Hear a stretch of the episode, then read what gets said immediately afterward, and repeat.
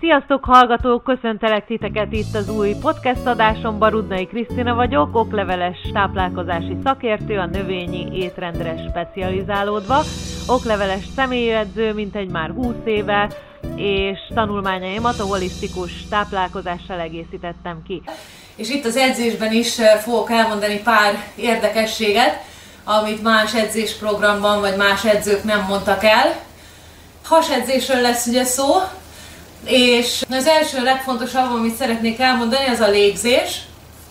Sok has gyakorlatból és módszerből építettem föl az én hasizom gyakorlataimat. Ahogy azt már sokszor elmondtam, nem szeretem a six-pack, kockás, erezett, túl definiált, megvastagodott hasat egy nőn. Szeretem a lapos, itt két oldalt legyen egy kis definíció, középen legyen egy kicsit laposabb, szebb, és a derékvonal pedig legyen behúzva. Ez az én dizájnom, ezt szeretem a gyakorlataimmal elérni, illetve ezt értem el a saját hasomon is. Ebben a legnagyobb segítségemre a Pilates volt, amikor 7 évvel ezelőtt Pilates vizsgát, oktatói vizsgát tettem négy szintből, és itt tanultam meg igazából nem csak a gyakorlatokat, hanem a Pilates légzést, ami egy nagy fordulópont volt a hasizom gyakorlataiban, imban, és minden más gyakorlatban, amit csinálok.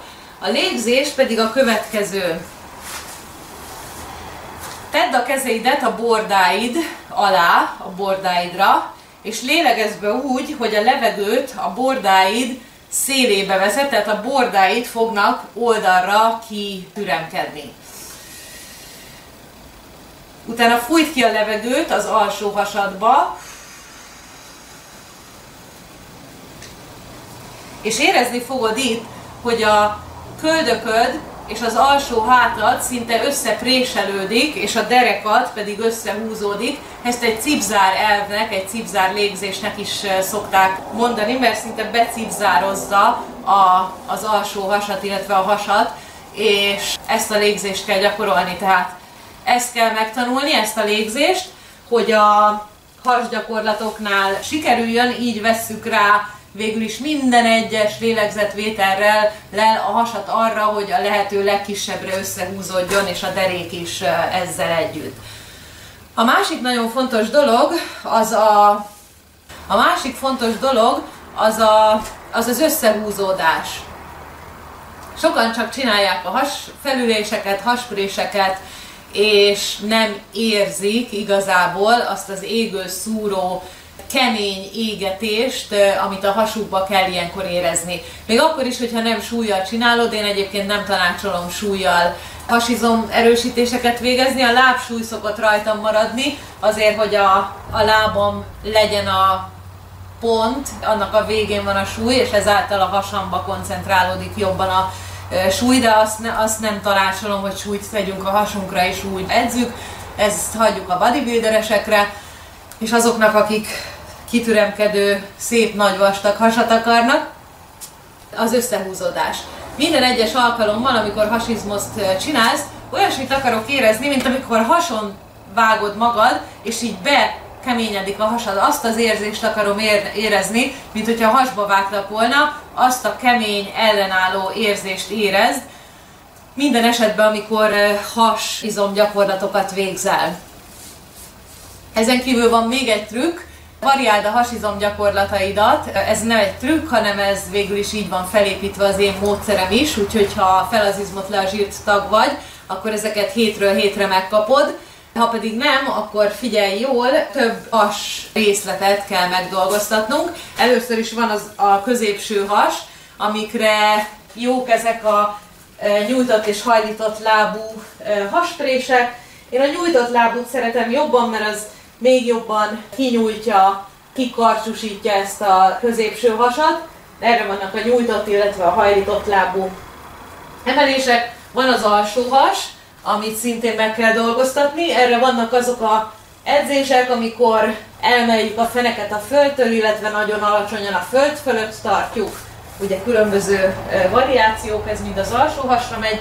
Azon kívül vannak az oldalsó hasak, amiket különböző forgásokkal, Russian twist tudunk erősíteni. Van a transverse abdominals, amit a különféle plenkekkel és a plenkekből lévő has gyakorlatokkal, lábhúzásokkal, alulhúzásokkal, oldalt húzásokkal tudunk elérni, és ne feledkezzünk meg a has az előső rész, ne feledkezzünk meg a hátulsó részről is, tehát az alsó hátunkat is edzük, ne csak a hasunkat, mert ez is kell ugye a deréka, az egész struktúra megteremtéséhez erős, erősnek kell lennie, és kiegyensúlyozottnak, ugye az óráimon is mindig azt hangsúlyozom, hogy a egyensúlyt teremteni a testünkben és az izmainkban ott, ahol nincs egyensúly, úgyhogy az egyensúlyhoz hozzátartozik az is, hogy az előső, illetve a hátsó részét dolgoztassuk a hasnak.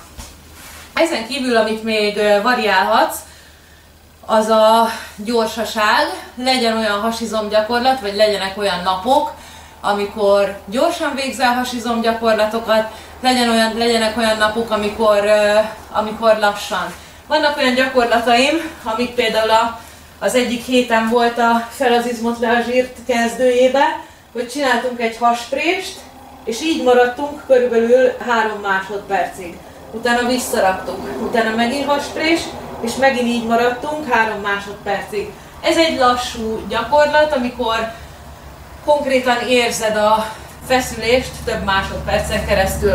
Vagy ez is egy ilyen, amikor nem csak simán felülsz, hanem egy, két, három és négyre lerakod a fejed.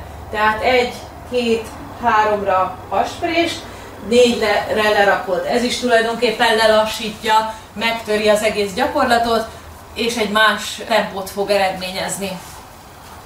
Úgyhogy ezeket a hasizom gyakorlatokról rengeteg-rengeteg hasizom gyakorlatom van, föltöltve is a Felazizmot le a zsír programban, a Facebook csoportomban. Az a lényeg, hogy mindig variáld őket, soha ne ugyanazokat csináld, ezért van a programomban, hogy minden héten más gyakorlat sorral jövök, hogy olyan megfelelő legyen az edzés, amilyet szeretnénk, és hogy variáljuk a gyakorlatokat. Úgyhogy nagyon fontos még a, a stresszmentes élet is, az is nagyon sokba segít a has zsírlerakódásokba és a has puffadásba. Ugyanis, hogyha stresszesen élünk, az, az valahogy sajnos a hasunkon is meglátszik. Úgyhogy nem mindenkinek jó az, hogy szokták az emberek mondani, hogy á, menjen jogázni vagy meditálni minden nap, nem mindenkinek jó az. Úgyhogy keresd meg a te boldog helyedet az életben, ami lehet, hogy kimész a parkba olvasni, az is lehet, hogy megnézel egy vicces filmet a tévébe, az is lehet, hogy kiülsz a kertbe, és hallgatod a madarak csicsergését, vagy a békák brekegését, az is lehet, hogy eltöltesz egy estét a férjeddel, vagy a családoddal, az is lehet, hogy főzöl egyet, tehát ami kikapcsol, ami, ami segít levezetni a stresszt, azt végezd, de az is lehet, hogy egy jó edzéssel sikerül ezt levezetni. Pont most beszéltem erről a edzés végi motivációs beszélgetéseimben, hogy, hogy hogyan kezeld a stresszt és hogyan kezeld a belső energiáidat az edzésen, hogy a lehető legtöbbet kihozd a stresszkezelésből. Úgyhogy